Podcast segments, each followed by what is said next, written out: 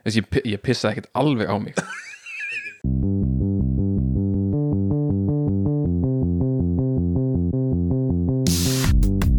Halló er eitthvað að frétta? Já það er ekkert að frétta.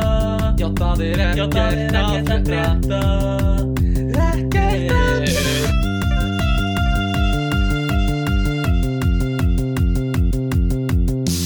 Innilega velkomin í 34. þátt af Vekt að frétta. Um, Við ætlum að tala um mistök í dag. Spurning hvað það séu mistök. En ég var að tala við Joe um daginn og hann sagði að það væri sannlega ekki mistök Þannig að það er ágætt Ágætt að vita það. Hver er Joe? Joe Mama. Góður. Uh, Tekin ándjöks Þetta voru mistök. Bara beint í beint, beint í gildruna mína. Um, Hvað segir þú í dag? Ég er bara nokkur rétt sko. Um, Föstu dagur Helgin framöndan Helgin er samt alltaf eins og allir hinn í dagarnir þessa dagana. Um, Ertu Er ekki Föstudagur? föstudagur í dag? Við erum að taka upp á lögadegi Það er rétt Ná, þessi, Þetta byrjar ekki vel fyrir þig. Eins og ég segi, allir dagar eru eins. Já, alltaf er eins. Það er eitthvað alveg satt, það skiptir engum máli á hvað degi eða hvað dagur er. Þannig, Lífið mitt er þannig núna að það eru allir dagar eins. Sama hér sko. En það Það er mjög fyndið að vera haldið að vera fyrstu dagur Já, ég sko, ég Ég held það eiginlega bara núna. Ég er, ég er búin að vita það allan dag að það sé lögadagur Það er bara allt í einu. Ok, það hoppaði einhver svona fyrstu dags púki í þig Já, ég var að horfa á tímatökuna í Formule 1 af hann. Já, Ég var að vita að það sé lögadagur sko. Já, mitt Maður hefði haldið það, fyrsta uh, formúlan var í gangi. Já, um, En hvernig er hérna Þú veist, lífið þitt búið að vera? Það náttúrulega Það hafa verið að opna sund Lögunar aftur, mm. sem er mjög næs. Við fórum með sund. Um, En Við erum búin að fara í sund alla daga síðan að opnuðu. opnar. Ég veit samt ekki Ég er alltaf smá smegur við það. Um, Sérstaklega þegar það er smitt út í samfélaginu. Og það var þryggja smittadagur í gær eins og við vorum að tala um. Mm. Þannig að uh, það er ekki gott En ég nenni ekki mikið að tala um það. Um, En mér langaði að nefna eitt Sem er hérna uh, Að sundið er opið og, og við vorum líka að pelja fyrir ræktina einhvern tímann á næstinni og hérna uh, þetta er svo leðilegt spjall. Ég veit ekki hvort þau um að sleppa því en hérna, já ég hugsi ég sleppi uh, hvað hérna mér langar svolítið bara að stökkva inn í það sem við ætlum að tala um. Mm og hérna eiginlega bara segja að þessi byrjun hjá mér hafi verið smá mistök að byrja á því að tala um sund og ræktina. Uh, myndur þú segja það? um, Nei, nei. Nei? Það er bara gaman að byrja byrja að léttu spjallið Já, sko hva, sko mistök uh, hvað er svona fyrsta er, er eitthvað svona eitt sem þetta eftir hug þegar þú heyrir mistök?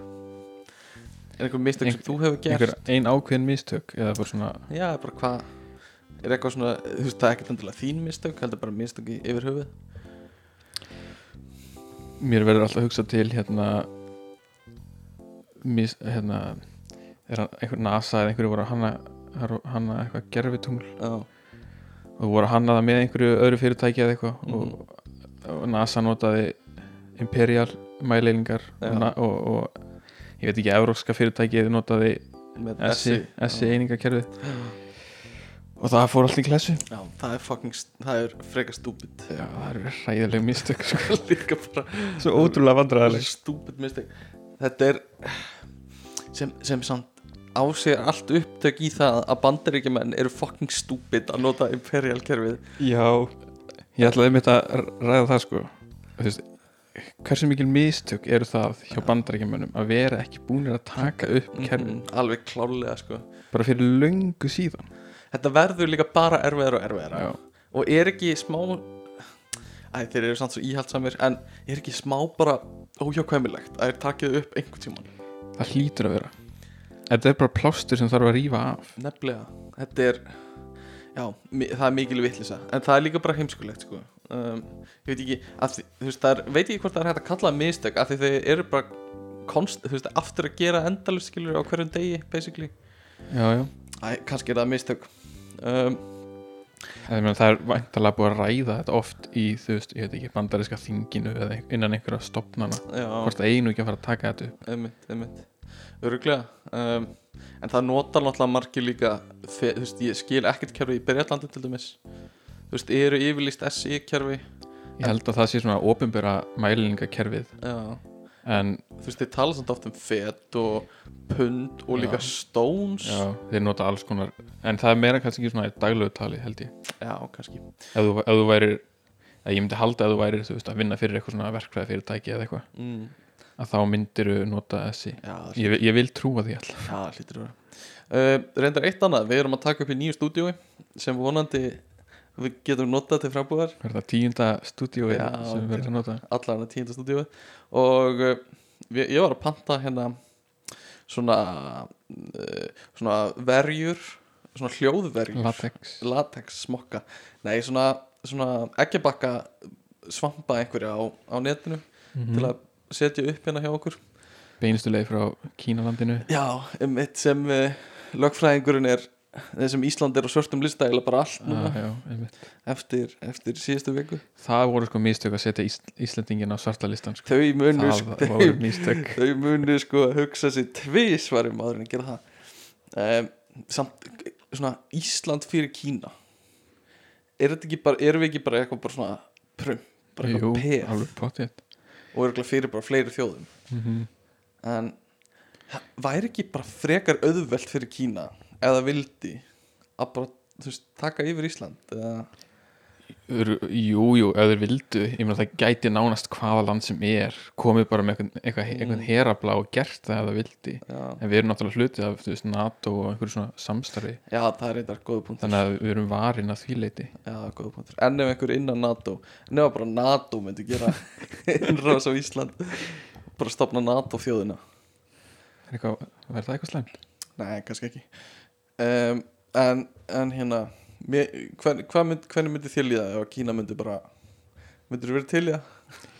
Ég held ekki, sko, Nei. get ekki sagt það einhvern veginn þú veist, ég, ég ætla ekki að segja að kynverjar sem manneskjur séu eitthvað vondar Nei. manneskjur en hugmyndafræðin hjá Mm. kínversku stjórninni ég get ekki samþykkt Samt, hana og nei. myndi ekki vilja búa undir henni sko. Nei, er, er ekki hægt að segja að bara kínverska þú veist, CCP, Communist Party ég er bara vond það eru bara vondi kallar skilur við það er allan að þannig sem búið að mála það sko. Já, kannski. Ég, Svo veit maður ekkit Ég veit ekki, það er erfitt kannski að vita nákvæmlega hvað er í gangi En það lúkar svolítið þannig. Um, En hérna mistök Mistök, mistök, mistök. Ég veit ekki hversu Hversu góðan þátt er hægt að gera við mistök um, Sem er svolítið næs af Því þá einhvern veginn veist, eru það ákveðið mistök að gera mistök Mm. þáttinn. Svona meta þáttur Já, sem verður svolítið sem verður svolítið hérna næs. Uh, en við vorum að tala um um daginn þú veist munin á því að gera mistök sem þú veist þú veist, hva, já, hvað eru mistök? Ef, ef, að, ef þú tekur einhverja ákvörðun sem er kannski rétt ákvörðun á þeim tímapunkti en svo setna kemur í ljós að það hafi verið mistök. Ertu þá að gera mistök með því að þú veist taka þess ákvörðun? Ég vil meina ekki sko. Ég, þú getur alveg fært rauk fyrir því. Það fyrir bara Mm. mm. svolítið eftir hvernig þú ákveður að skilgreina mistök. Já, en mér líður einhvern veginn þannig að það, ég myndi ekki kalla það mistök. Ég myndi aldrei segja að ég hafi þá gert mistök. Ef, að, ef allar upplýsingar sem ég hafði á þeim tíma mm. En er þá þú veist, þar, er þá til þess að gera mistök þarftu þá að hafa allar réttu upplýsingarnar og gera vísvitandi eitthvað rann af því mér finnst það eins og enginn í rauninni gerir það. Nei, sko þú, veist það getur alveg verið að þú sér með tvo valmöguleika mm. og þú ert, með, þú ert búin að vega og meta. Já, og, og þú velur síðan annan þeirra en svo kemur í ljós að mm hinn var mikið betri. Ok, segjum að, segjum að þú sérst að velja bara eitthvað sem er nált okkur, bara háskólanám mm. og þú getur farið til uh, London og svo getur þú farið til Stockholms mm og svo farið til London að kemur í ljós að bara sökkar að vera þar -hmm. og þú heyrir frá öllum að það sé bara frábært í Stokkólmi sérstaklega þetta ár sem þú hefði getað farið um, en, en á, á þeim tímpúnti valdur að fara til London finnst þér, er það þá mistök að velja London? uh, sko það, sko ef að vegna þess að þú ert greinilega að byggja þetta á einhverjum sannsögulegu nei, vatnbyrðum nei, hérna. nei, alls ekki sko. Uh, bara út af því að það er fyrsta sem er dætt í hug en ekki endilega að því ég vil endilega tala um það sko. Nei, en sko eins og til dæmis með núna mm. vegna þess að þú ert augljóslega að tala um COVID. Ok, og við ætlum ekki að tala um COVID. Við ætlum ekki að tala um það Nei, að þegar ég valdi háskólanámið þá var ekkert COVID. Nei, nei. eða það var eitthvað COVID en er það? um, Jú, já, þú valdur það það svo seint eiginlega já, já, já, já, eða, já, eða svona næstu því já. allavega en maður gæti ekkert vita þú veist, þetta, þetta var eitthvað sem bara þetta var einhver breyta og þú Mhm. gast ekkert sagt til um hvað áhrif hún myndi hafa og líka bara í mars á síðast ári var maður bara, ok, tvær vikur svo er það búið, já, það var einmitt svolítið basically og maður var líka bara, ok, ef það er ekki tvær vikur þá hljótaði að vera fjóra vikur já. en ef ég, ef að þú veist þegar ég valdi mm. að þá hefði ég vitað að, að hvernig Breitlandi ætla að taka málunum Mm og hvernig skólinn í Breitlandi, Breitlandi ætla að haga sínunámi og svo hefði ég líka vitað hvernig Stokkólmur ætlaði að gera þetta. Og skólinn í Breitlandi er bara alveg lokað. Já, já, það er alltaf lokað bara, það er bara á netinu. Já. þú veist þá, þá ef ég hefði vitað þetta mm. og samt valið London já, og svo þú veist, vegna þess að ég held að það er samt allt í lægi mm þá gæti ég litið á mistök. Já. en vegna þess að ég ég vissi ekkit ég hafði ekkit til þess að meta áhrif COVID. En hann samt svona semi hægt að þú veist, þó þú getur, ættir ekkert að vera eitthvað að svekja þig á því þá er samt alveg hægt að segja að þú hafi gert mistök ég veit ekki af hverju maður einbytta okkur að þér. Það er svolítið svona rakka þig niður. En þú veist, í svipiðum aðstæðum þá, þú veist, er ekki margi sem myndir samt segja, já, það voru mistök að fara þangað, eða þú veist já, í svona eftir áhyggja hefði hitt kannski verið sniður, eða hefði hitt verið sniður jú, jú, jú, auðvitað er hægt að segja það sem mistök. Mm. en og, en einhvern veginn í mínum huga ég vil ekki líta á það sem mistök. Því að, að bara þú veist svo mér líði ekki illa, með það sko, veist, þá, þá ákveð ég bara að líta ekki á það sem mistök þú veist, og þú veist, ég, ég vil ekki meina að ég hafi valið eitthvað rám Nei, ég er alveg sammála því. en, en eftir á higgja, jú, jú, Mhm. hitt hefði verið betra. Já. Þetta er samt bara svona svipað hjá mér. Ég, þú veist, eftir á higgja hefði ég alveg frekar átt að fara að vinna og fara svo í háskóla. Bara, bara út á COVID eða þú veist, já, já. Þannig að, hérna, ég held að séu eiginlega ég held að séu ógæsla margir í þessu eða ég veit að ógæsla margir í þessu bara sem byrjuðu eitthvað rétt fyrir COVID. Mm bara sama hvað það er, stopnaði veitingastæði rétt fyrir COVID, -hmm. fucked. Uh, byrjaði í námi rétt fyrir COVID. Fucked. Mm -hmm. bara, þú veist byrjaðir að að fara í rektina rétt fyrir COVID. Mm -hmm. kannski ekki, eða þú veist, það er alltaf gott að hreyfa sig saman hvað það er, en samt alveg fucked keiftir árskort í world class eða kannski, þú veist fucked, akkurat. Bara allir sem gera eitthvað rétt fyrir COVID eru þannig síðan hef, voru að gera mistök. Já. en það er bara, að, með COVID þá breyttust allar forsendur svo ótrúlega snögg Já, og þú hafðir ekki, þú varst ekki með þetta til þess að setja inn í myndina þegar þú varst að reikna út hvort þú ættir að gera hlutinu ekki. Þú hefði líka verið svo mikill nötter ef þú hefði verið með þetta í svona. það gæti komið hérna Heimsfaraldur. heimsfaraldur. og þá vil ég ekki verið í, í Breitlandi þá, þá ef þú myndir hugsa svona þá myndir aldrei gera neitt sko. Nei, það er rétt. Það væri fucking nut case. En um, Ég myndi ekki segja að, að þetta hafi verið mistök Alls ekki á þér. Og þetta var lélegt dæmi. En, en hérna uh, Eru einhver mistök sem að Í þínu lífi sem þetta er í hug? Ég held ef ég á bara að vera bara opinn, Já, hreinskil þá held ég að ég en aftur, ég veit ekki hvort ég lítið á það sem mistök. Uh, en eftir áhyggja Já, þá hefði ég viljað veist, taka meiri þátt í eins og félagslífi í bara mentaskóla mm en, en á sama tíma ástæðan fyrir að ég veit ekki hvort ég geti litið á þessum mistök út af bara þessum svipaður vorum að tala um áðan. Mm. að þú veist mér langaði bara ekki til þess þá. Nei, en eftir að hugja, þú veist, núna langar mig til þess að mig hafi langað til þess þá, Mm, þið langar til þess að þú hafur gert það þá. Já, það er ekki þannig að þið langi til þess núna að vera í ég veit ekki, skólafélagstjórn nei, nei þú veist, en þið langar til að hafa minningarnar af því að hafa gert eitthvað? Já, líka, já, já, bara þú veist, hafa bara kynst fleira fólki og, Mm. og bara gert eitthvað. Sem, sem að fólk gerir, þú veist í, en bara, þú veist, ég tók aldrei þátt í neinu mm en á þeim tíma þá, þú veist, þá langaði mig ekki til þess þannig að ég get ekki einhvern veginn uh, þú veist, get ekki sagt að ég hafi tekið einhverja einmitt. Þannig rángar ákvarðin því að hinn valmöguleikin var einhvern veginn aldrei inn í myndinu fyrir mig. einmitt. sko, ég held að þetta sé rosa algengt uh, en sko, já, í fyrsta lagi líka þú veist, við höfum bara að vera hreinskilnir ekkert gert stór mistök af því við erum á fínum stað í lífinu. Þú veist, það er ekki eins og við höfum ég veit ekki hvort það er alltaf að segja þetta, en þú veist, eins og við höfum þú veist, farið í vittlist partí og, og dotti á hann í vittlisa vinahópin og endað í einhverju svona óreiðu, eða eitthvað svona þar sem við getum, þú veist, vitum að við höfum gert mistök, Mhm. eða eitthvað svona stór mistök í lífinu, eða við fórum í póker og eittum hú, þú veist, töpuðum húsin okkar eða eitthvað, mm þú veist, við, við erum bara á það góðum stað í lífinu, það er rosa erfitt að nefna einhver svona rísa stór mistök.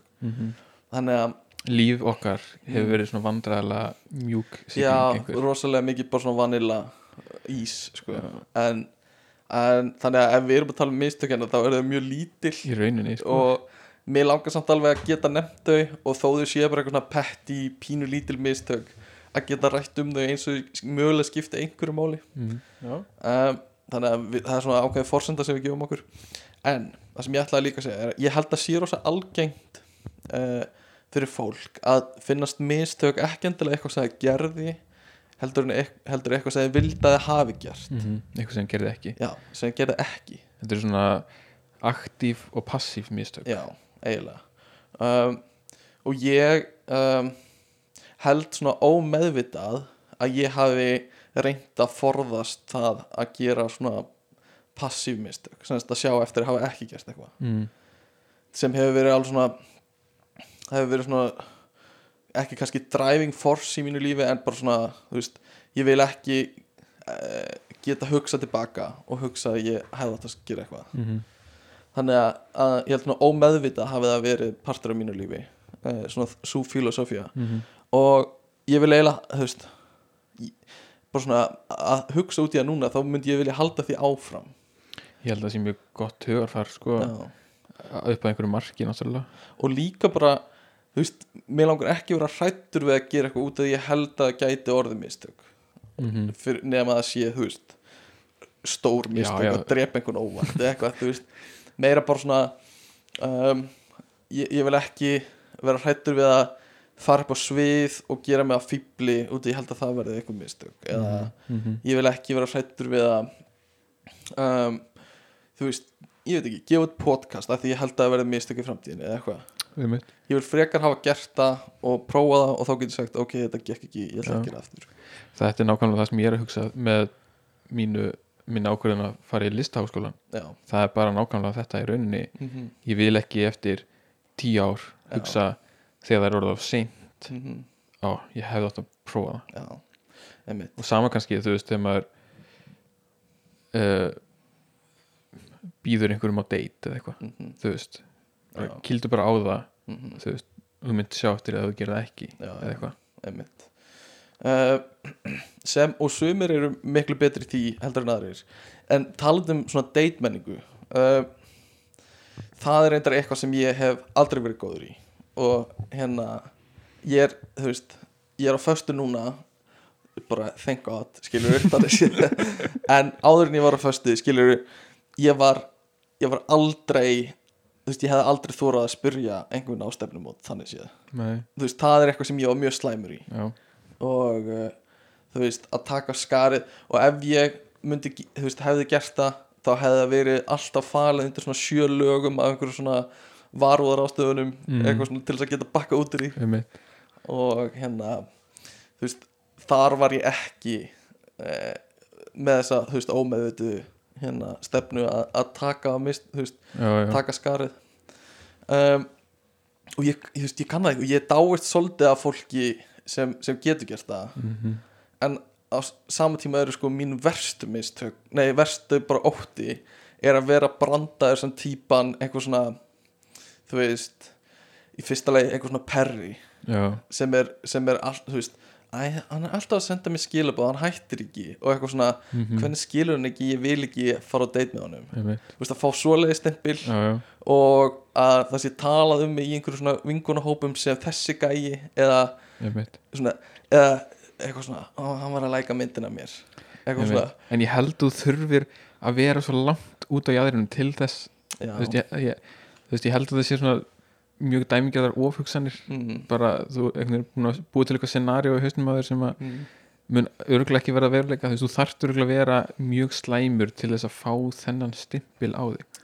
Já, veist, ég veit ekki, kannski og svo líka, veist, þetta er kannski allt öðruvísi þegar þú ert 16-17 ára heldur en þegar þú ert, ég veit ekki, 25 ára. Mm, þú veist, þú veist það er allir svona í smá einhverju makaleit, þú veist, ef þú ert einleipur þú veist, það er flestir Já. með augun opinn eða eitthvað, þannig að þú veist, það að þú veist, það að spurja hvort einhverju vilji fara á stefnumót með þér er bara ótrúlega eðlilegur hlutur í Já. rauninni. kannski. En svo er, þú veist sennilega og bara hárið hjá þér sko. En reyndar sko, það væri mjög ég gæti aldrei spurt einhvern án þess að hafa tala við þig, þú veist, ég, þú veist, ég gæti heldur þú getur ekki, þú veist sé einhvern kaffehúsi og þið eigi svona, svona kannski skiptist á þrejum setningu við barinn, eitthvað svona erst þú bara að fara í Americano? eitthvað, já, ég fæ mér alltaf Americano. Ú, þú ert bara Amerikani, eitthvað svona og svo farið á sitt hvort borðið ykkar og hérna setjast niður og svo þú veist, kannski horfið á sama tíma á hvort annað einu sinni. Hvað er þetta að segja?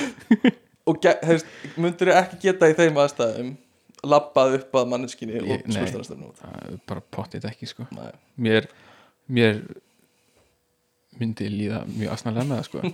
En þú veist það er samt já það er bara veginn ég, ég, er, ég er náttúrulega félagslega vanhæfur að mörguleiti sko. ok. Uh, en og hugsa líka öll svona mm, scenario. Mm, en ég, ég, þú veist, ég, ég ætla bara þú veist, ég væri til ég að geta það sko. Já. en, og einu kannski, kannski kemur að því að ég muni geta það já, en ég er bara, ég, ég veit ekki hvort ég hef búin að segja þetta einhvern tímann í þættinum en ég hef einu sinni spurt stef, stelpi á stefnumót bara svona blönd mm, og það var þá fyrir aðra manneski þannig að uh, við vorum, ég held við höfum verið annarkvort í mentaskóla eða nýkomnir úr mentaskóla við vorum á einhverju rúndi ég, Gummi, Akki kannski einhver einn yfirbót Kristó eða eitthvað. Og fórum í ísbúð og hérna þá var einhver stelpa að afgreða okkur og hérna bara eins og alltaf, skrítið, af hverju bara stelpur að afgreða í ísbúðin hefur pælt í þessu? ég hef oft pælt í þessu. Það er bara stelpur sko. Ég skil ekki, er, er einhver ástæði fyrir því? Þú veist, mér finnst alltaf lægi að það er einhver ástæði fyrir því en ef það er ekki ástæði fyrir því, af hverju er bara stelpur afgreða? Þú veist, ég vil ekki trúa því að það sé bara stelpur sem sæki um en ég vil heldur ekki trúa því að það sé að, að hérna þeir sem eru að ráða séu Mm. markvist bara að velja stelpur Nei, en þetta er samt þetta- er fárón þetta þetta er bara, af því það er ekki, ég sko, ég hef ekki séð eina ísbúð sem er ekki með stelpu nei, ég held ég að það, þú veist, að þú í huppu þú sér aldrei strák Nei. ákveða. allána, um, við vorum í ísbúð það var stelpa að afgreða okkur og við förum út í bíl aftur og förum eitthvað ég man ekki hva, hver samræðinu fóru en hérna, allána uh, veit ég hvort það var grín eða ekki en það var allan út í það að Aggi og stelpan hefði eitthvað chemistry. Og hún hefði verið sæt eitthvað svona. Mm. og ég segi bara eitthvað svona ok uh, á ég uh, viltu að ég far inn og spurja hana hvort að uh, hvort hún vilja koma að date með þér? Og ég held að ég hafi fengið samþykja því að ég fór allavega inn. Ok, um, og hérna fer inn og fer aftur að sömu stelpunni og fer að tala við hana og uh, þú veist það var eitt óþægilegasta moment bara í mínu lífi. Mm að því ég held í fyrsta lagi að hún hafi haldið að ég væri að fara að spyrja hana hvort hún mm. sem er, sem er, sem er eitt óþægilegt út uh, og svo líka bara svona að þurfa að koma aðeins eitthvað svona hæ. Og svo kemur svona hæ. Og svo kemur þögn. Og svo kemur eitthvað svona um, manstu eftir vini mínum sem var hérna inni á það og það er engin leið að hún viti hver af vini mínum ég var að tala um af því við vorum alveg fjórir hún líka afgreiðir, þú veist, örgulega 200 manns á dag. já, já, já.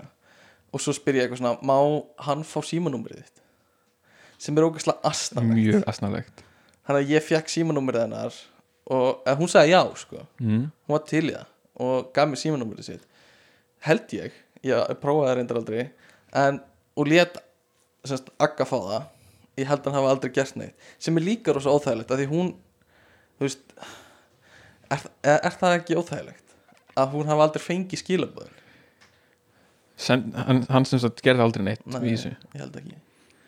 Jú, örgulega, eða kannski hún hætti örgulega bara að hugsa um það eftir þrjá daga eða eitthvað. Ég held að ég ennþá að hugsa ég, ég held að hún kíkja á síman svona hverjum degi. Já. bara í dag koma skilaböðin nei, en hérna það var eina svona mómenti sem ég hef upplifað að spurja einhvern stefnumót. Og það var ekki eins og fyrir mig sko. Allan spurja einhvern svona direktli á stefnumót. Mér finnst bara svo skrítið að bjóða einhverjum á stefnumót eða bjóða Mm. einhverju á stefnumót.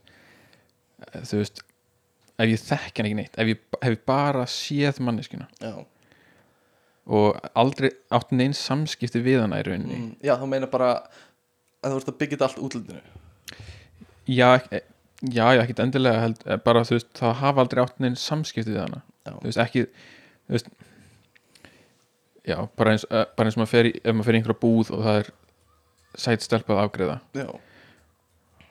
þú veist, og maður, og maður hugsa þú veist, þetta er sætt stelpa. Mm ég, ég veit ekki hvernig ég klám ætti að, hundurðin Björgvin, klám hundurðin nei, ég veit ekki hvernig ég ætti að bara þú veist, mér, mér finnst þetta bara svo skrítið Já. skrítin pæling. Ég, ég held uh, ég veit ekki, ég held maður gæti mögulega eftir sig í þessu. Ekki spurning, sko. Uh, ég, heldur það myndi hjálpa að gera svona roleplay með vinninum eða þú veist vikunni eða eitthvað bara svona, Um, svo þú vitir hvernig samskiptin eiga að vera. Já, pottið, sko. Ef, er það til í að prófa þetta núna? er ég stelpan eða? Nei, um, mm, nei, ég skal vera stelpan. Ok, og, og hvar erum við? bókasamni, á bókasamni ok. Og ég er að skoða mm, í sjálfshjálpa bókunum ég er að skoða How We Sleep eða Ok. eitthvað, hvað sem hún heitir Why We Sleep? Why We Sleep? Og byrja. Halló, já, hæ, þú ert svona til sætt þið það? Mér finnst það. Viltu koma að date með mér? Uh, já, ég, ég veit ekki hvað heitir þú? Ég heiti Björgun já, ég á nú eiginlega svona smá kæresta sko. En, en við erum eiginlega ekki alveg saman samt uh, en hvað varst að pæla? Bara, þú veist Dinner og movie Já, ok Ok uh, Þetta gekk mjög vel hér Já, takk. Hún var til í þetta Dinner og movie er endar Er það gott fyrsta date? Væri það veit ekki. Bara svona til þess ekki- að koma okkur aftur á rétta braut. Já, er ekki gott að fara á sko uh, einhvern á rúndin eða einhvers þar úti það sem þú ert ekki endalega heimasvæði hjá aðra, annar einhverju manneskjunni? Jú, eða, eða kannski bara Netflix og chill eða ég veit ekki, ekki ekki sko. Sko ég Ég hef ekki mikla reynslu af því að fara á fyrstu stefnumót. Ég hef farið á eitt fyrsta stefnumót. Ok, Og uh, það var reyndar Dinner og movie sko. Þetta er mói Það er bara svona almennt kannski hérna þú veist, dinner, nei, movie er svona þú veist, það er ekkit activity í gangi. Nei, nei, nei, það er bara að sitja á það staðar bara situr og horfir á einhver, mm. einhverja mynd sko. Ég er svolítið að hugsa hversu skrítið er að horfa á mannesku horfa á sjónarspiði um, að þú ímyndað er að það sé slögt á sjónarspinu sérstaklega það er grínmynd Já, en þú veist, basically uh, situr í bara þú veist, tvo, þrjá tíma eða eitthvað, aðeins að hreyfa þig og bara starir áfram inn í Mhm. einhver, á einhver svartan skjá. Eða bara á einhvern einn stað í íbúðinni. Mhm. það er alveg skrítin hegðun ef að ef þú gerir það sé ekkert í gangi. En það er líka þú getur alveg tekið þessa pælingu Já, og þess að ég mynd Ef ég myndi að fara svona dansklúb en það er engin tónlist. í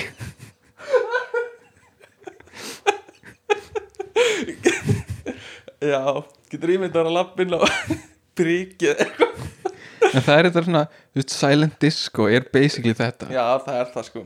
Uh, og ég, það er, ég fórum á Silent Disco úti sko og Já, ég hef farið í silent disco, það er bara mjög gaman sko. Það er alveg gaman sko. En það er samt alveg þú, þú, já, þú veist að fólk er hlusta á tónlist sko. Já, já, en ef þú áttar þið ekki á því þá er það örgulega mjög fókt En það væri bara eins og ferð á klúb og það er allir með svona airpods Mm. sem þú sérði ekki. Mm en það er silent disco já, einmitt.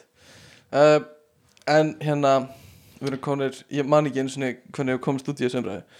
Uh, uh, Silent Disco bara til þess að klára það. Já, Ég veit ekki hvort það, getur verið ennþá skrítnara Mm. að fara þú veist eins og sinfonítónleika Mhm. eða eitthvað svona þannig þar sem eru bara 2000 manns í sal. og sitja og horfa áfram. Og það er ekkert í gangi. Það er satt. Um, en ég held ég að grípa fram í fyrir þér þegar ég sagði með sjónarspið var það ekki Netflix og chill að horfa á sjónarspið já, passiv, það er svolítið passiv Já, ég bara, að, þú veist, að horfa á myndir eða sérstaklega í bíó, sko Mhm. og þannig getur ekkert, eða lítið rætt saman þú veist, það er svona svolítið passíft. Þú getur það í Hollandi eða þú veist það ger, fólk gerir það í Hollandi. Í Hollandi ferði bíó og þú tekur með þér sixpakka bjór sko. Og, og þú getur panta sko kampavín. En er það bara svona venjulegt bíó? Er það eitthvað svona sérstakt? Nei, bara við hliðin á okkur í, bara þegar við fórum í bíó þá var oft bara fólk að drekka bjór og þú veist var par bara spjalla saman og í sleik og mm. sama hversu mikið af svona pyrrandi augnaráðum að gaf þeim. Þá gerði það mjög lítið sko. Já, ég held að ég, ég gæti alveg sætt mig við það ef það væri bara svona viðurkjönd mm að þetta, þú veist, að bíó er bara svona. Já, og ég held að það væri alltaf lægi þú veist, að bí, þú veist, bíó væri þá bara aðeins skemmtilegri svona meira sósjál já, Já, en þá vil veist, kannski ekki að þú væri að horfa á hérna Schindlers List eða eitthvað. Nei, þú myndir þá vilja skipta því sannlega upp sko. Um, En mistök sko, Mistök sem mér þetta í hug að, í mínu eigin lífi.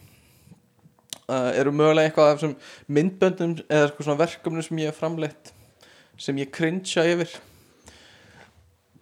En það er ekki endilega það mikil mistök að því ég held ég hef lært fullt af þeim. Mm en ég hef gert alveg slatta einhver svona þú veist, einhverju svona skapandi verkefnum sem ég horfa á í dag og ég bara þetta í fyrsta lagi sökkar og í öðru lagi bara svona húmórin er bara skrítin -hmm. og bara svona off og væri off í dag. Mm einhvern veginn.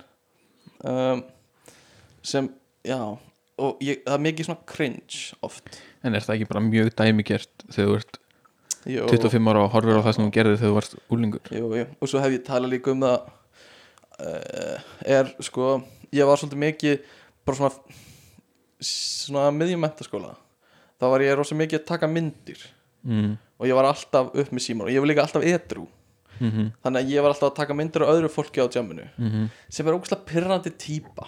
Þú veist, bara fólk að reyna að skemmta sér og vera fullt og ungt og leika sér. -hmm. og ég á bara endalust að myndum að því bara öllum vinnum mínum. Mm veri ég bara að gera eitthvað fáránlega hluti. Og þú ert aldrei einn af þeim í nei, nei, ég er náttúrulega alltaf bara baka myndavélina. Reyndar, þú veist mér finnst asnalegt þegar ég er að segja eitthvað svona já, gerðu þetta, farið upp á borð eða eitthvað svona, mm. svona að reyna að fá einhverja þú veist, asnalega myndir eða eitthvað. Já, já. ég, mér finnst það ógislega leðilegt hvað hva ég var mikið í því að Mhm. taka myndir. Mm um, Ég pældu bara í því hvað fólk gerir mörg mistök þegar það eru á úlingsárum sín já, það er bara, það er alltaf löðrandi í mistökum sko, í Ég, held, ég held reyndar að, að því við vorum báður edrú álinsárunum okkar að það skipti máli, ég held að margir te- tengi eitthvað að mistökunum sínum við áfengi sko. ekki spurning sko að ég á ekkert það mikið af, af einhverjum mistökum sem ég gerði sko. ekki bein Nei. þú veist það eru margar svona ég held reyndar að ég hafi verið svona þokkulega, bara sloppið þokkulega vel en þú veist það eru margar samræður uh, sko ef ég horfi líka að skoða gamlan messenger samræður sem ég átti grinsa ég og hérna þú veist, reyna að vera fyndin á einhvern hátt sem ég var ekkert fyndið því ég lesa tilbaka og Mhm. eitthvað svona en, en ég held að ég hafi sloppið svona þokkalega með svona einhver þú veist, ég fór aldrei í, í sleik við frængum mín á mentaskólaballi eða eitthvað, þú veist, Nei. svona þannig mistök eða ældi á kennar minn á, að því ég var þunnur eftir ball eða eitthvað um, ég slappið þau mistök sko. og það sem ég var að nefna á hann er kannski ekki beint mistök Þú veist, stundum er gaman að eiga myndir af fólki síðan í gamla daga stundum líka bara gaman að líta aftur og sjá hvað maður var kjánlegur sko. algjörlega og það sýnir líka bara að þú hefur þroskast Mhm. já, klálega uh, en líka sko uh, eins og með svona alla framleysla myndböndum Þú veist, ég sé ekkert eftir því þannig að því ég lærði fullt af því mm -hmm. um, en, en hérna uh, þú veist ég veit ekki hvort maður er cancelaður uh, en segjum að hafi tveir ungir menn gert myndband í samfélagsvegi og það hafi verið um land í Afríku og annar þeirra hafi farið í mjög óviðeigandi búning. Það verið mistök. Eða hvað, þeir voru þú veist 12 ára. Um, ég veit það ekki. Þú veist, ég held að það sýnir bara frekar þú veist skil, vanskilning já, frekar en að það sé endilega mistök sko. mm einmitt. Þú veist, ég uh, ertu að vísa eitthvað sérstakt? Mögulega, ég vil ekki segja of mikið. Nei, ég man eftir hérna einhverju vinum sem að voru að gera myndbandum einhvern íþróttamann. Já. einhvern svona frægan íþróttamann Já. sem átti heimsmet í einhverju Mhm. grein. Og, og þeir, þú veist, þá var einhver svona sem ætlaði að leika hann. Mm og þessi íþróttamaður var svartur. Já, um, og þeir þú veist, að, að hann málaði þessi svartan. Mm en það, veist, það var bara vegna þess að veist, íþróttamaðurinn er svartur. Veist, þetta er bara gerfi já. og þeir á þeim tímapunkti áttu þess ekkert á því og ég held að krakkar á þeim, ég kannski Mhm. gera það í dag ég veit það ekki áttu þess ekkert á þessari tengingu Nei. við, þú veist, af hverju þetta er. Nei, algjörlega. Og það er eiginlega engin ástæð fyrir þeir ættu að gera það. Þeir búa á Íslandi og hafa aldrei komist í kynni við þú veist, neitt af þessu tægi einmitt, og aldrei séð bíómyndir sem tækla þessi mál og, og það er engin umræða um þessi mál Nei. í kringu þá þú veist, fyrir þeim er þetta bara Útlit. þeir eru bara líka eftir Já, útliti já, og það er já. bara ekkert meira en það uh, þannig að já, það er erfitt að segja hvort það séu mistök eða ekki ef maður veist, hefur enga vitnesku til þess að draga álítanir Mhm. þó að maður myndi aldrei gera þetta í dag að því, að því já, þetta er bara einhvern veginn, allt öðru í dag. Um, uh, sko annað sem ég horfa á sem mistök sem mörgum finnst mjög asnalegt er um, uh, ég man rosa vel eftir nokkrum spurningum í spurningaspilum sem ég svaraði vittlust uh, sem ég hugsa bara ok, ég mun ekki gera þetta eftir mm. einhvern tíma var einn spurningin hvað atbyrður var það sem hérna markaði upp af frönsku byltingunar og hérna ég vissi það ekki en við höfum verið að læra um því sögu. Mm. og hérna ég mun aldrei gleyma því aftur. Hljómar eins og þetta séu svona á topp 10 listanum hjá þér mistök. bara 100% það er árásin á bastilluna mm. væntanlega, Væntanlega. helvitis stúpid Stefán. Uh, tapaður í spilinu?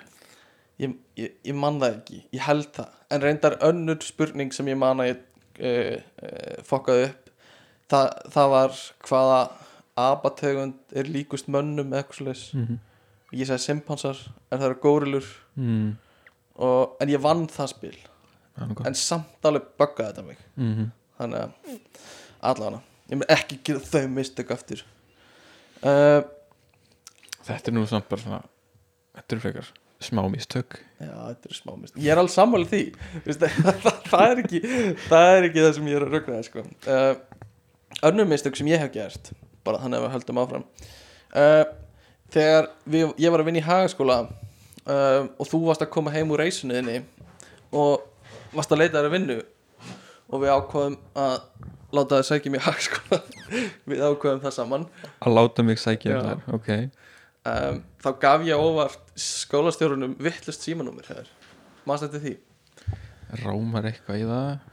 Að því, þú veist ég sótti ekki eins og um vinnu, þú lest hann bara Já, fyrir símanum ég, ég leti bara frá símanúmer að því ég kann símanúmerið þetta utan að sko. En ég hef eitthvað greinilega rugglast þegar ég segi það uppátt við hann. Mm. þannig að hérna, en svo leiðristu við það. En það voru mistök sem ég Já, gerði. mikil mistök. En það leiðréttist allt saman. Já, já, endaði vel. Endaði vel mm, Ert þú með eitthvað fleiri mistök? Eitthvað svona pínu ponsum mistök? Uh, alls konar mistök sem maður hefur gert náttúrulega sem tónlistamæður eða, Já, bara, feil, feilnótur og, já bara þú veist já bara klúðra einhverju þú veist. Og velja saxofón þegar þú getur fyrir á píanó. Já til dæmis. Já og íþróttum þú veist mm. gerir eitthvað sem þú ætlar ekki að gera. Já, já. Í samskiptum, þú sagðir eitthvað sem að kannski hefði verið betra Ú, hefur þú lent í einhver svoleiðis? já já, ég hafa ekki allir lendið því. Jú, en ég, ok. Sorry, þetta er rauglega fáfræðið mér En þú ert sprettleipari mm uh, Og það er einstaklingsýþrótt Eða þú veist, hver, við hvern verður pirraður? Af því þið eru basically bara á ykkar eigin braut. Ég er bara sjálfa mig sko. Já, reyndar ef þú ert í bóðhlaupi þá getur þú náttúrulega verið pyrraður út í Já, er einhverja sem klúðra skiptingu. Það er góð, góð, góð en það er náttúrulega líklegt að þú klúðri skiptingunni sjálfur bara Einmitt. eða þú þjófstartar þá er náttúrulega í sjálfa þig kannski Já, einmitt Já, maður hefur náttúrulega gert íþrótt, íþróttum mistökum eða þú pissar á þig Afsakið? Hm? Hm? Hm? Fyrir ekki það? Nú er endur taka þetta ef þú pissar á þig Hefur þið pissað á þig? ég hef eins og pissað á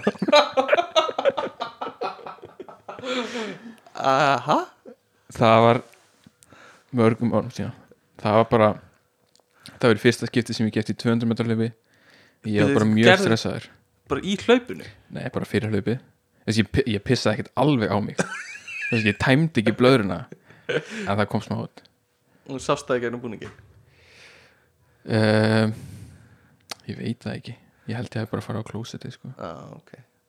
Hefur einhvern sem var kúka á þig á fullanarsaldri? nei. Mundur segja það ef það hefði gert það? Um, það, ef það hefði verið mjög vandræðalegt og asnalegt þá kannski ekki en ef þetta hefði verið bara eitthvað Mm. ef ég hefði verið með með malaríu eða eitthvað Já, og þú veist, ekki Einmitt. ná að halda í mér þú veist, þá var það ekkit vandrarlegt, þú veist, þú varst með sjúkdóm. Já, já.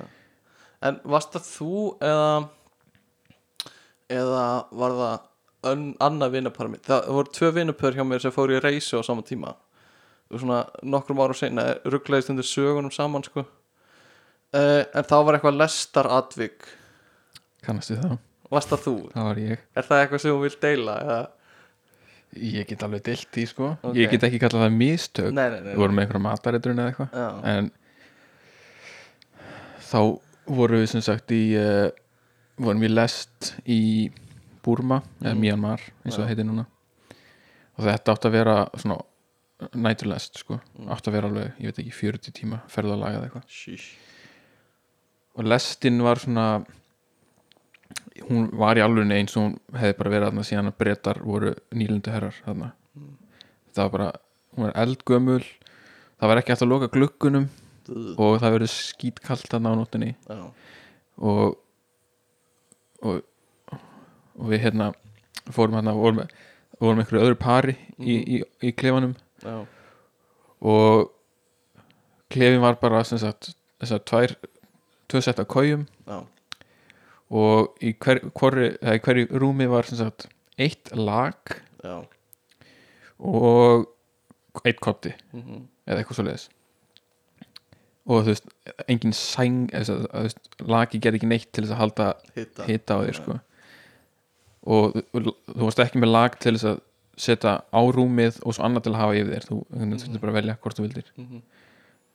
og við ákvaðum fyrst að sofa bara í einni kójunni Mhm.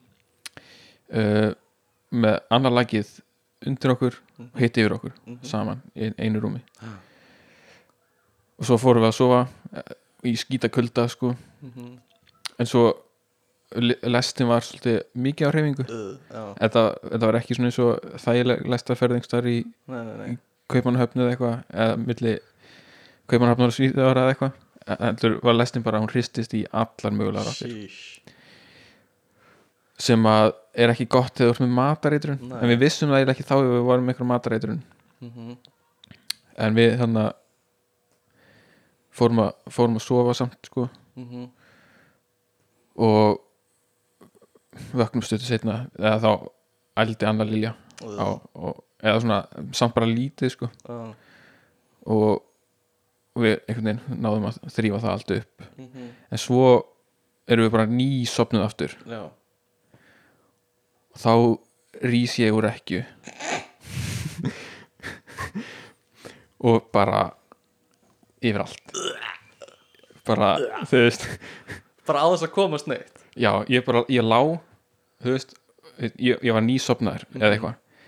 Og svo bara vakna ég sest upp Já. og bara og ég, yfir, yfir, þú veist, allt yfir, yfir dínuna, yfir fötin okkar yfir þessi, þú veist, lög sem við vorum með þannig Já.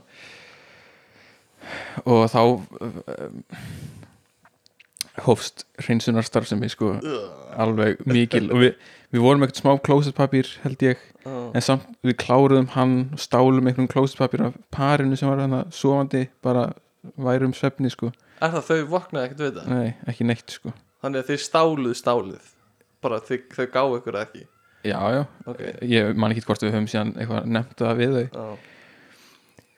um, reyndum að hreinsa það ég fór inn á, það var klósett í klefanum sko Mhm. og og þar eld, ég hérna í vaskin Mm. og, og svo þegar ég var búin að því að þá settist ég á, á klósettið Mm. bara svona aðeins til þess að jafna mig þú veist Já. og svo þegar ég var búin að sitja þar í kannski tvær mínútur þá fann ég að ég var hann svolítið blöytur í fætuna Oj. og hérna og ég bara áttum mig að því af hverju ég var blöytur í fætunar Mm. og svo líti á vaskin og sé að niðurfallið af Mm. vaskinum fer bara ekki neitt út úr lestinni. Nei. það bara fer beintnir á gólf. Új, barast það Er eitthvað rennandi vatn í vaskinum? eða? ég mann það ekki. Nei. Ég veit ekki af hverju þetta ætti að vera svona. Það er steikt sko. Já, allavega. Þannig að ég satt þarna á klósitinu og stó, eða, já, stóð bara í minn eigin Ælu. ælu. Um, og svo náðum við einhvern veginn að sopna og Já. svona rétt sofum í gegnum einmitt. nóttina og þannig miðan nóttina þá stoppaði lestin allt í hennu mm. og þú veist það var, hún bara stoppaði einhverstaðar í miðri, miðri Þetta er raskati bara einhverstaðar í raskati í. Myanmar, þú veist, sem er ekkit þú veist, borgirnar voru allt í lægi en sem sagt, ástandið kannski annars staðar í landinu mm. var alveg svolítið svona hættulegt eða, Já, já, segjum bara hættulegt mm.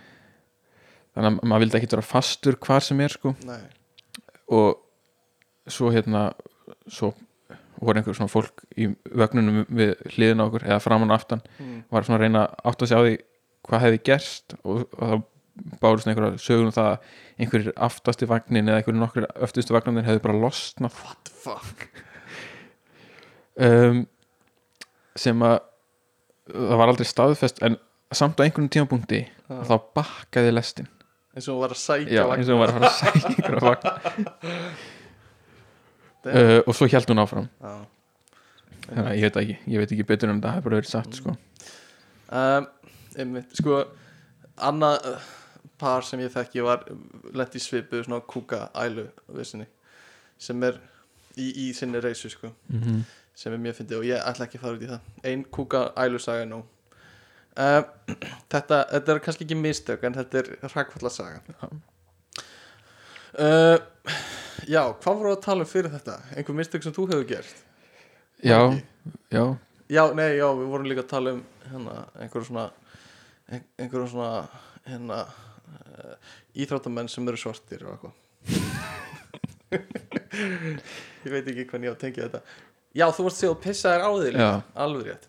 Já, takk fyrir að nefna það aftur. Já, ekkert mál. Uh, Ég mun örgulega að skýra þáttinn þátturinn sem Bjöggi pissar á sig. Um, ég, vil, ég vil taka fram að ég var þarna bara, ég veit ekki, 11 ára eða eitthvað. Já, ok, ok. Og ég hafi ekki verið mikið allir en það. Nei, uh, já, ég hef uh, hef ég pissað á mig? Nei. En ég hef ælt eftir jam mm. óvart bara upp í rúminu og á gólfið eh, veist, ég veit ekki. Og já, allir ég meina, flestir. mm, I don't know. Mistök? já, ég veit ekki, kannski. Uh, en, en ég, ég geri það ekki oft. Uh, en ert þú með eitthvað svona fræg mistök sem að sem að fólk talar um? Um, við náttúrulega rættum hérna þetta gerfi tungl hönnun þess já, metrakerfinu og Imperial. Um, annað kannski að svipum toga Boeing Max vélnar já, já, það er það er mistök frekar hljóðaleg mistök sko. Mhm. líka vegna þess að, að einhverjum fréttum að þá hefur verið sagt að verkfræðingarnir eða hönnuðnir vissu af þessum galla mm. en bara veist, gerði ekkert í honum ég held að hann er ekkert vissin Ég hef, heyri og ég hef heyrst að í svona aðstæðum bara bílaframlegendur örgulega flugulega framlegendur þú veist, þá gera þið bara áhættum og bara peningalega séð mm þú veist. Eh, ok, það deyja kannski 100 manns hérna en við þurfum bara að borga en þú veist, við þurfum að borga 300 miljón dólara til að laga þetta. -hmm. og svo bara verð með þetta í hvert manns líf já, þessi fyrirtæki eru pottið búin að vera með þetta manns líf sko. já, algjörlega. Og það er sá bara eftir örgulega hérna uh, skadabóta málinu sem þau þurfa að borga sko. pottið mm Tjernobyl. Já, klaufaleg mistök 3.6, not great not terrible. Uh, smá mistök þar. Smá mistök. Uh, en hver voru mistökin? voru það, ég veit ekki slökku ekki strax á þegar það var eitthvað að ég man ekki, ég horfði á þess að þætti með að samkvæmt þátturum að þá voru þeir að gera einhverja tilraun. Mm, og það, á, það voru já, pró, það voru að prófa hérna reaktorana eitthvað. Uh, og, og þeir fóru bara gengur langt mm, með við þáttinn. En líka vegna þess að það, það átti að vera eitthvað svona failsafe, það átti að vera eitthvað sem myndi bara slökkva á öllu já, þegar að veist, þetta væri komið eitthvað ekki langt. Já, en það gerðist ekki. Nei, já, það eru mistök bara en, en svo líka bara mistök sko, bara eftir slísið, bara meðhöndlin að hönd, þú veist, þeir voru að höndla bara ástandið sko. já, bara þetta containment og, og, og upplýsingaflæðið og svona. já, ég ætlaði rússar ekki að gera sína eigin Tjernobyl þætti? Jú, mér langaði alltaf að sjá það ég, Já. veit ekki hvort það hafi eitthvað orðið úr því sko. Nei, það hefur verið mjög áhugavert það hefði sko. verið mjög áhugavert nefnilega sko. Hvort þeir hefði farið bara all in í þjóðurnis bara stolti og bara eitthvað svona eða hvort þeir hefði sagt að einhverju hluti rétt frá eða þú veist svona mm mála sig aðeins þú veist verð heldur en uh, bara fullkomna. Mm um, já það voru mistök og hérna sem kostiði marga mannslífið. Svo svona síðasta kannski á svipum toga mm. uh, sem er svona minnistætt. Mm. Titanic. Titanica. Skipið sem átti ekki að geta sokkið sko. Já, sem glast á Ísjaka. Var eitthvað, þú veist vo- voru það mistök, eða þú veist, hefði hann geta gert eitthvað annað? Skipstjórnum, veist það Ég held að, eða, ég veit það ekki sko, ég veit það eina sem ég veit Mm. um, um þennan aðspurð er bara það sem gerðist í myndinni. Og það er uh, þú veist, það er hérna þú veist, það var jómfrúarsiklingin það var hérna, settuður bara allt í botn þú veist, já, já, til að sína sig kannski. Já, og svo gáttu þeir ekki beitt fram hjá Ísjaka, ísjakanum já. Það var náttúrulega mistök líka bara að fara ekki bæði upp á hurðina sko, í lokmyndarinnar já, það voru kannski mestu mistökin sko. gerði ekki Mist- Mythbusters þáttum þetta? Já, ég held að komið í ljós að það var pláss fyrir bæði á hurðina já, já, um, en það er náttúrulega bara dramatísera. En svo hérna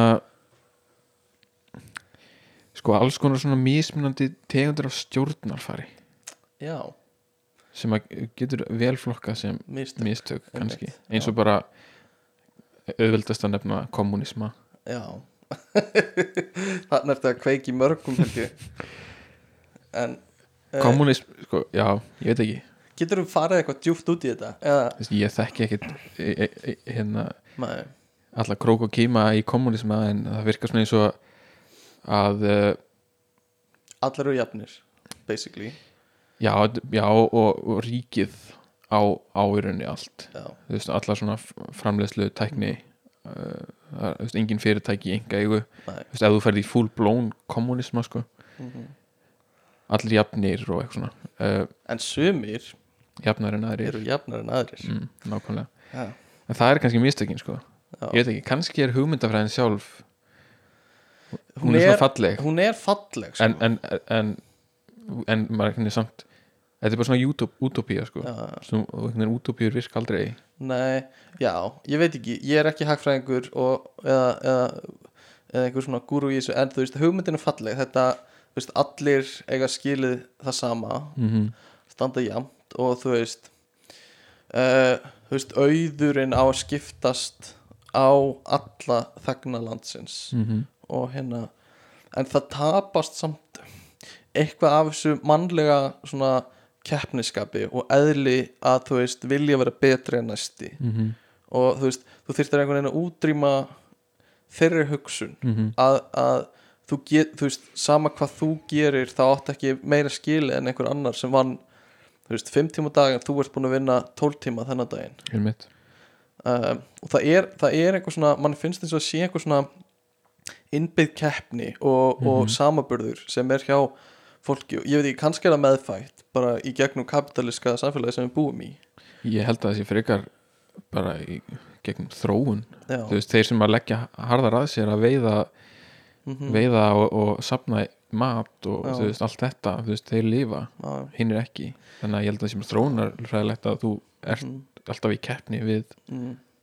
og, og svo, þú veist, ég veit ekki hvort að það er hægt að segja svona hægri og vinstri þú veist, hinpóllin eða hvort er eitthvað svona öðruvísi þú veist, þrývitaspektrum en hinpóllin væri þá bara svona hrein kapitalismi þar sem markasöflin fá algjörlega ráða já, og við, ég, við höfum rætt þetta áður við rættum þetta í peningaþættinum nýlega sem er, þú veist það eru líka mistök að mörguleiti af því þá sapnast auðurinn á einn stað Já.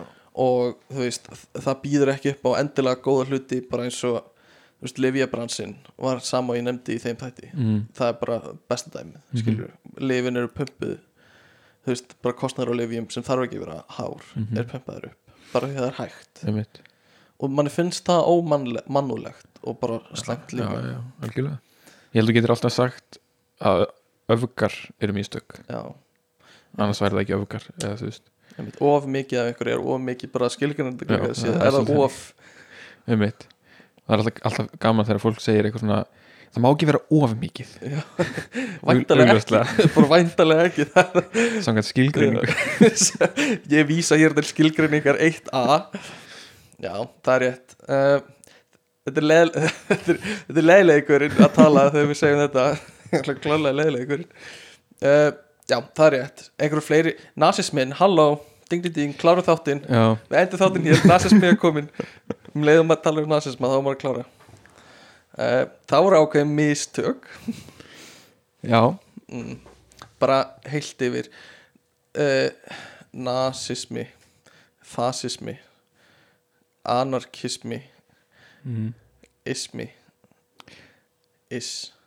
Þetta var slam poetry mitt. Gjör það svo vel. Takk. Uh, já national, hva, fyrir hvað stendur þetta fyrir National Socialism Já. eitthvað eitthvað svoleiðis. Uh, sem náttúrulega uh, byggðu líka bara á því að, að þú veist, sumir varu ofarun aðrir að, að einhverju leiti já, áhugavert, ég var að horfa á, á YouTube channel um, í bara gæra í fyrra dag sem heitir Ask Project eða eitthvað svona, það, það er á YouTube. Ég get, skal finna og hérna það fjallar um basically fólk sem er að, tala við fólk beggja vegna við hérna Ísrael-Palestínu hérna Mhm. borderið. Mm og þau eru að spurja alls konar svona spurninga hérna uh, þú veist, út í hvernig þú veist, hvort hérna, þú veist ertu hataru palestinumenn eða hataru Ísraelsmenn og eitthvað svona. Mm, og, og líka bara svona tengdu gýðingdómi og hérna uh, já, þetta heitir Ask Project og þau getið fundið á YouTube. Og e eitt vídeo er fjallað um sko, eru gýðingar æðri, eða þú veist uh, æðri heldur en þeir sem trúa ekki? Mm og þú ert að spurja þetta í Ísrael. -hmm. og þar er þú veist Ísrael er Guðs útvalda ríki sko. mm og þeir sem, þeir sem eru gýðingar og búa í og þú veist, já, bara þeir sem gýðingar gýðingar, jú jú, gýðingar eru bara Guðs útvalda þjóðin -hmm. og þeir eiga að fá að búa í Guðs útvalda ríki sem eru í Ísrael. Þannig að allir Ísraels bú, nei, allir gýðingar eiga að geta komið til Ísraels. Og margir voru bara svona svöruðu þessu bara, þú veist, nei þú veist, við erum öll Guðs börn, skilur allir menninir Mm en sumir voru, þú veist, á því að, að gýðingar væru hérna þeir, við erum þú veist, Mm. gýðingar Mhm. aðeins betri, við erum Mhm. betri sko, við erum útvalda þjóðin sko. Við, hérna, við höfum trúað rétt í mörg þúsund ár. Við erum ekki einhverjir hérna íslam eða, eða kristin trúar sem eru svona pop trúar fólk sko, sem breytir bara um trú. Við erum aðalgæðinni sko. Og hérna sömur voru þannig sko. Og eitthvað svona, við erum öll öll hérna, já en samt alveg, yes, yes but no, eitthvað svona Já, já, sem er ógislega áhugavert. Uh, og það er náttúrulega mjög aðsnalegt að draga einhverja líkingu við það við, við eins og þriðjaríkið en þú veist, þriðjaríkið var hreint á staða því það voru ekki allir jafnir í þeim, í, þú veist í augum nasista Mhm. skilur við mm uh, en s- greinilega sumir uh, hérna þú veist, sem búi í Ísrael eru líka þeirra sko það er ekki allir jafnir bara á hinpólinn sko -hmm. Og ég er ekki að segja að þau séu jafn íkt og nasistar en þau voru að tala um að það ætti ekki allir að fá sömur réttindi Mm -hmm. að því sömur eru gýðingar og sömur eru ekki gýðingar Mm -hmm. og eitthvað svo leiðis Mm -hmm. uh, þó, að, þó að langflesti voru á því að það væri allir jafnir en þá eru sömur sem eru svona aðeins svona íktari í þessum skoðum En heldur þú myndir ekki finna sömu skoðanir kannski settar í aðeins annan búning ef þú myndir fara bara aðra staði Jú, Í 100% heiminum. bara í bandarækjunum til dæmis örgulega á Íslandi að einhverju leiti ég veit ekki. Ég held að þú veist, í öllum trúabröðum eru ákveðnir hópar Já. sem að eru akkurat þessara skoðunar. Já, við erum útvalda, útvalda eða þú veist, við erum með réttu skoðun Já. algjörlega. Og það er líka bara eitt sem trúabröðum bjóða upp á. Það er þessi þessi hérna uh, já, bara mis einhvern veginn skipting á hver skiptir máli. Og, og við erum með réttu skoðunina er rosa mikið, veist ég held að þú finnir þetta bara allstaðar þar sem fólk setur sér í einhverja hópa. Já, þú veist, getur bara þjóðir þú veist, Mhm. Íslendingar eru eitthvað betri en aðrar þjóðir eða eitthvað Mhm. þannig. Eða jafnvel, þú veist, alla leið niður í bara eitthvað svona þú veist, ég er F-háingur.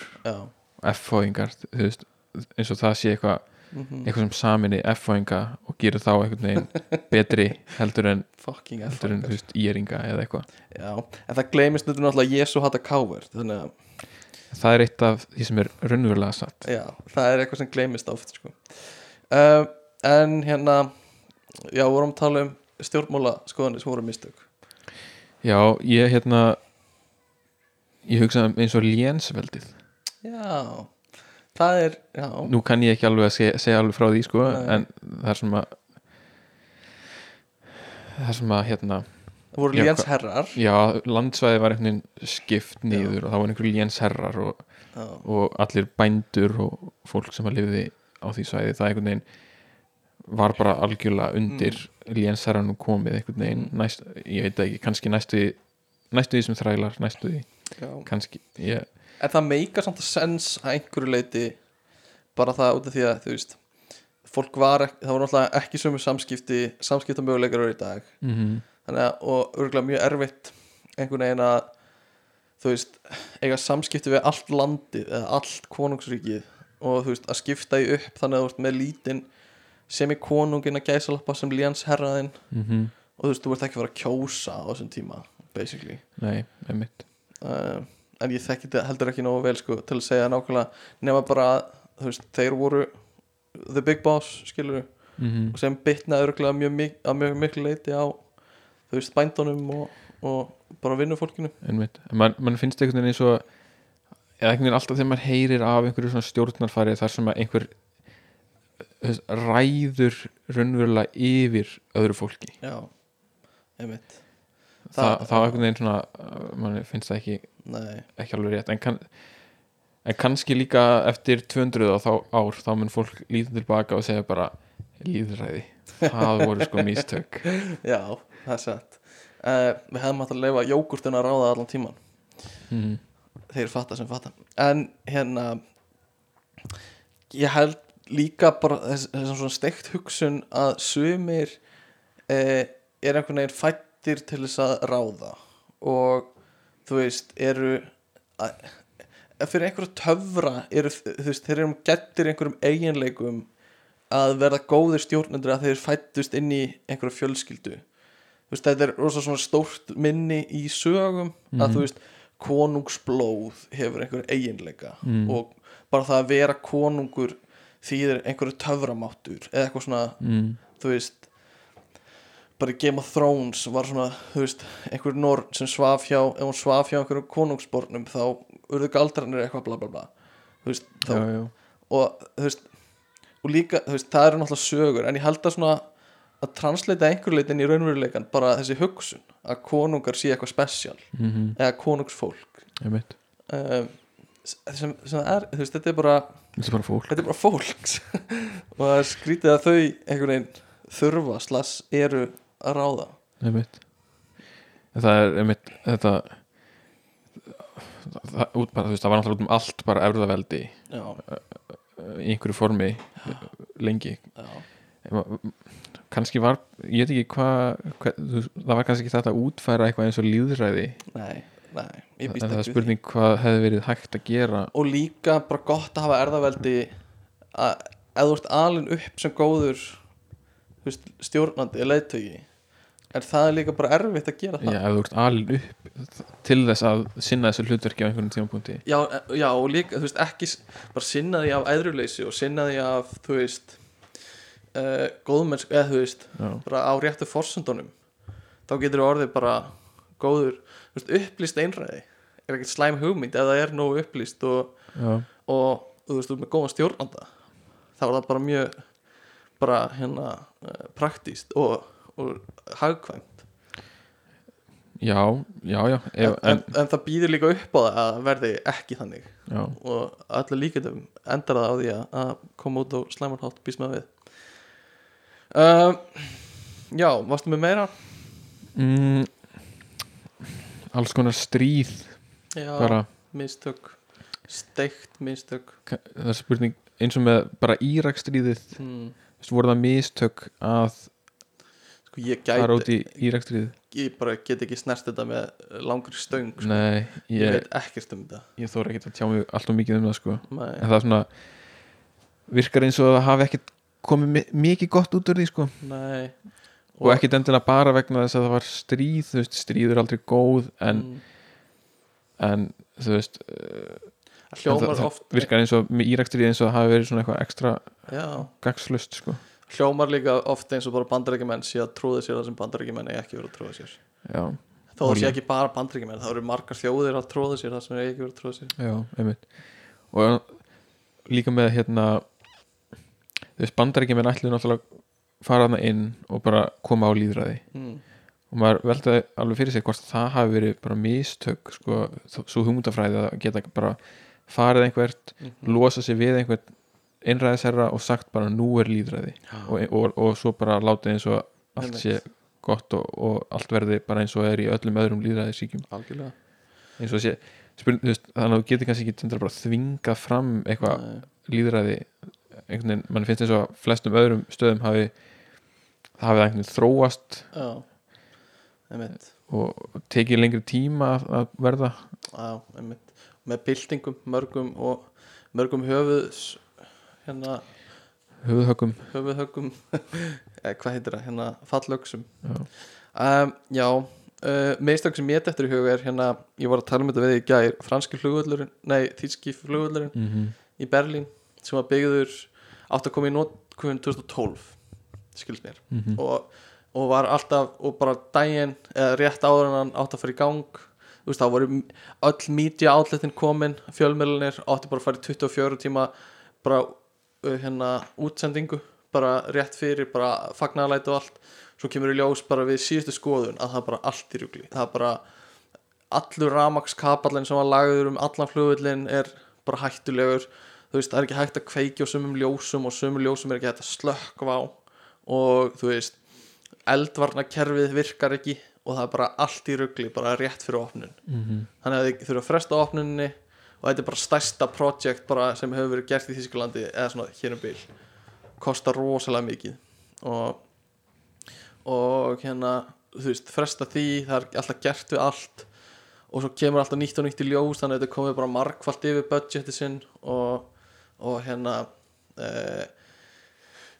já og reyna alltaf að opna en það gengur aldrei. Og þetta þarf líka það þarf að vera kveikt á flugvellinum af einhverju bara svona reglugerðar ástæðum Mhm. þannig að þú veist það er eins og flugvöllurinn sé bara í gangi en hann er bara alveg tómur en það er kveikt öll ljós og eitthvað svona sem er ógæslega stygt og það, þú veist, þá tapaði á hverjum degi bara við það að hafa flugvöllurinn í gangi það var hræðilegt sko.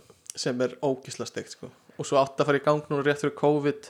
Og ég held að sé búið að taka þetta í nótkunna að einhverju leiti en svo bara stöðuðist náttúrulega alla flugsamgöngur Mhm. í COVID þannig að bara, bara bara saga hrakfalla saga sko. en það er eins og þegar vorum að ræða þetta veist, er þetta mistök eða er þetta bara vanhæfni á mm, gríðarlega stórum skala? Já, það hljóma svolítið þannig sko. Veist, er það veist, ef ég er ráðinn í eitthvað starf sem ég er augljóslega vanhæfur í já, og ég sinni því bara illa vegna að ég kann það ekki já. er ég þá að gera fullt af mistökum eða er ég bara ótrúlega vanhæfur? Já, ég held að þú getur bara skilgrunda á báðu vegu sko uh, Ég held að bara svona heilt yfir er hægt að segja að þetta verkefni í heild hafi bara verið mistök. En kannski að fara að greina eitthvað meira í dítila kannski flokknur að segja. Og kannski mistök að ráða fólkið sem átti að sinna verkefnin það getur verið. Og þetta er bara, eh, þetta er eitt dæmi sem er að teki bara í öllum verkfræði námum næstu allan svona yðnaverkfræði kurs hérna, já, þá er þetta bara dæmi um reisastórt verkefni sem er illa skipulagt. Mm -hmm. og sama með hérna sænska vasaskipið Já, sem var gert veist, var sett í bygg, byggingu 1600 eða eitthvað. Og hérna átti að vera bara stærsta og besta skip í heimi. Nema þú veist, það var fengið einhver arkitekt eða eitthvað svona verkfræðingur til hanna eða ég veit ekki hvað það kallar einhvern hönnur til hanna og svo var það byggt og svo vildi, þú veist, kongurinn fá endalust af byssum og þá var einhver annar fengið til að setja byssunar inn í bara fullt af fallbyssum sem, þú veist, þyngdi skipið og svo var eitthvað annað gert sem, þú veist, var ekki tekið með í reikningin og eitthvað bla bla bla Mhm. þannig að þegar þetta var sett á sjóin þá bara eftir nokkra mínútur bara sökka Já. bara í, í jómfrúar siglingunni bara í, í já, höfninni bara í sko. höfninni sko. þá bara bara mest í klaufaska og þetta átti bara að vera sko besta og stærsta skip í heiminum sko. Já. En ég mér minnir að veist, það var bara svona strömmfræðilega þú veist, mm bara hvernig, hvers konar hlutir geta flotið. Já, að þá bara einhvern veginn lögunin sem var valin já, bara hefði aldrei gengið. Nei, nei, nei. Eru eitthvað svo leiðis líka en það var líka örugglega á þeim tíma að þú einhvern veginn þú gast ekkert gert einhverjar tilraunir uh, nei, með einhver svona líkön eða eitthvað. Nei, nei, nei, einmitt. Það er satt. Uh, mér langar svona eldsnögt áður um hættum við fyrir að segja þetta gott uh, nema þú hafur eitthvað sérstætt sem þú vilt endur að tala um? Ég held ég sé bara góður sko. Ok, þá er ég með nokkra svona sögur af netinu af fólki sem, sem fokkaði upp. Uh, og þetta er af reddit-træðinum Today I Fucked Up og uh, TIFU á reddit. Og þetta eru, það eru koma oft mjög skemmtilega sögur þaðan. Og hérna er einhver sem ákvað á, á jólunum þá hérna sá hann að það var tilbúð á ek- það sem heitir ancestry.com sem er, þá getur þú keift svona bara svona testing kit fyrir sjálfa þig sem þú svona, svona skaf, skefur innan um munninu þínum mm -hmm. og sendir á stað sem greinir upprunaðin gena, genatískan upprunaðin og uh, hann ákvað að kaupa svona fyrir alla fjölskyldunum sína. Sem sagt, mömmu sína pappa og þrjú sískin sín. Og gefur, ætlar að gefa þeim í jólagjöf. Og þegar þau opna semst, gjafinu sínur á jólunum þá þá byrjar mammans svolítið að fríka út og verður svolítið svona uh, hérna, já uh, við þurfum ekkert að gera þetta, þetta hérna, það er einhver eiturefni í þessu sem krakkar, þeir vilja ekkert vera að nota þetta. Og fer eitthvað svona að, að afsaka þetta rosa mikið Mhm. og segjast bara nei, nei, nei, nei, þetta er ekki sniðut og hérna og þau eitthvað svona hey, mamma það er engin eitrefni í þessu. Eitthvað svona. Og svo hérna eftir það þá byrjar hún eitthvað svona já ok, þá, þá er nú bara alveg nóg að annað eitthvað takið þetta. Að, að því þið fá hvað sem er sömu niðurstöðu við vill ekki bara eitt ykkar velja og, og taka það. Við seljum bara hinn testin. Og hérna og þau eitthvað svona, nei mamma ég veit, veit það nú ekki. Og svo, þú veist fara fóldranir upp á næstu hæð og bara byrja að nakkrífast bara á jólunum og hérna og krakkarnir eru niður í bara svona ok, hver okkar er ætlindur mm -hmm. eða nei, hver okkar er hérna á annan pappa já, já, já, að það er bara greinilegt að mamman veit, er meðvitið um það já. og krakkarnir er svona, ok ég, hver á okkur er það og svo er ekkert meira sem að segja frá held ég en pældi í því þú veist núna að einhver af sískinniðinum er já. á annan pappa en, en hel, ef að þú myndir komast að því. Mm, að annarkvort þú eða tryggvi væri rángfæðraðir eða eitthvað. Já. Myndir vilja komast að því? Um, já, já. En sko í fyrsta lagi þá er það ekki þannig að því við erum of lík fóldrum okkar Já, já, líkir ég- fóldrum okkar. En ef það verða þannig, já þú veist, ég veit ekki, ég er erfitt að setja mig í þessu stöðu en já, ég held það. En sama með ykkur Guðjón það, það er bara ekki fræðilegur að þessu annað en hérna uh, já, afkomendur fóldri ykkar sko. Uh, svo er einn gæði hérna sem segist hafa tekið eftir í að hann er búin að vera virkur í ár á Reddit og búin að vera duglegur að posta og kommenta og eitthvað svona. Og hérna, svo tekur hann eftir í eftir svona ára þú veist, hann er ekki að fánin like og þú veist, það er enginn að beint að svara honum á Reddit og eitthvað svona. Og þá var sér búin að vera mjög virkur og bara taka þátt í umræðum og á postum og svona hafa gaman. Og hérna, hann fyrir að skoða þetta og þú veist s- hérna, tekur ekki, sér ekki neitt sérstaklega ekkert, að- veist sér ekkert óæðilegt við þetta og sen- sendir post á reddit. Þá kemst hann að því að þú veist, það var búið að slökka á reikningnum hans til að, þú veist, hann hafi verið þú veist, óvart tekin með inn í eitthvað svona spambot eða eitthvað svona þannig að, veist, hann er búin að vera að tala við sjálfa sig á reddit í, í, í ár, bara að posta og bara, akkur er ekki að svara mér? Bara, ég kom með góða point svo, góð, eitthvað. Mér veist eitthvað fyndi við að hann er bara búin að vera mjög virkur í ár og er ekki búin að beint taka eftir því. Hundsaður.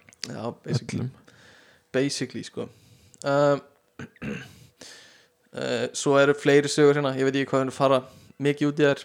Uh, en það er einn sem er að segja frá því bara að hann sjáir rosalega mikið eftir að hafa farið þú veist, safe leiðin í lífinu mm. og verið, þú veist, farið í tannlagnarsfræði og þú veist, gifst konu sem, þú veist, hann var ekki drosa hrifin af og mm -hmm. núna situr hann bara uppi með einhvern feril sem hann hefur engan áhuga á og Mm -hmm. konu sem hann vill ekki vera með í sambandi bara út því að hann, þú veist, tók ekki sjensin Mhm. sem er svolítið svona, það eru örugglega rosalega margir sem að já, ég held það nefnilega. Hugsa þetta sko. Já. Og þetta er, þetta er ekki svona upplýfgandi dót, eitthvað Nei. sko en ég held að sé, held að sé þannig að sumar sumar típur eða sumt fólk er bara þannig mm, að það er bara velur örugulegina já, en svo kemst þessi gæði nefnilega að því, segir hann hérna að uh, konan hans hafi verið að halda fram hjá honum að fatta eftir að hann fekk ligmatest sem er bara fucked up sko. Ég ætla ekki að falla fyrir þessu Jú. nei, Jú. nei do it ok, hvað er ligma? Ligma balls uh, Ég held við endum þáttin Jesus. Ég held við endum þáttin á þessum orðum á sömu orðum og við byrjuðum uh, eh, svipuðum orðum og við byrjuðum þannig að uh, er, er, er ekki bara fínt eða? já, ég held góður að- endir þannig að hérna, takk fyrir að hlusta. Hafið samband að ekkert að frétta at gmail.com segjum ykkur frá því, ykkur stærstu mistökum. Uh, sponsor þáttunins í dag eru bananabjörnanar og liturinn grár. Liturinn grár ekkert tár. Hm, hvernig er þetta? gott, ok, uh, hafið góðan dag. Bye, bye bye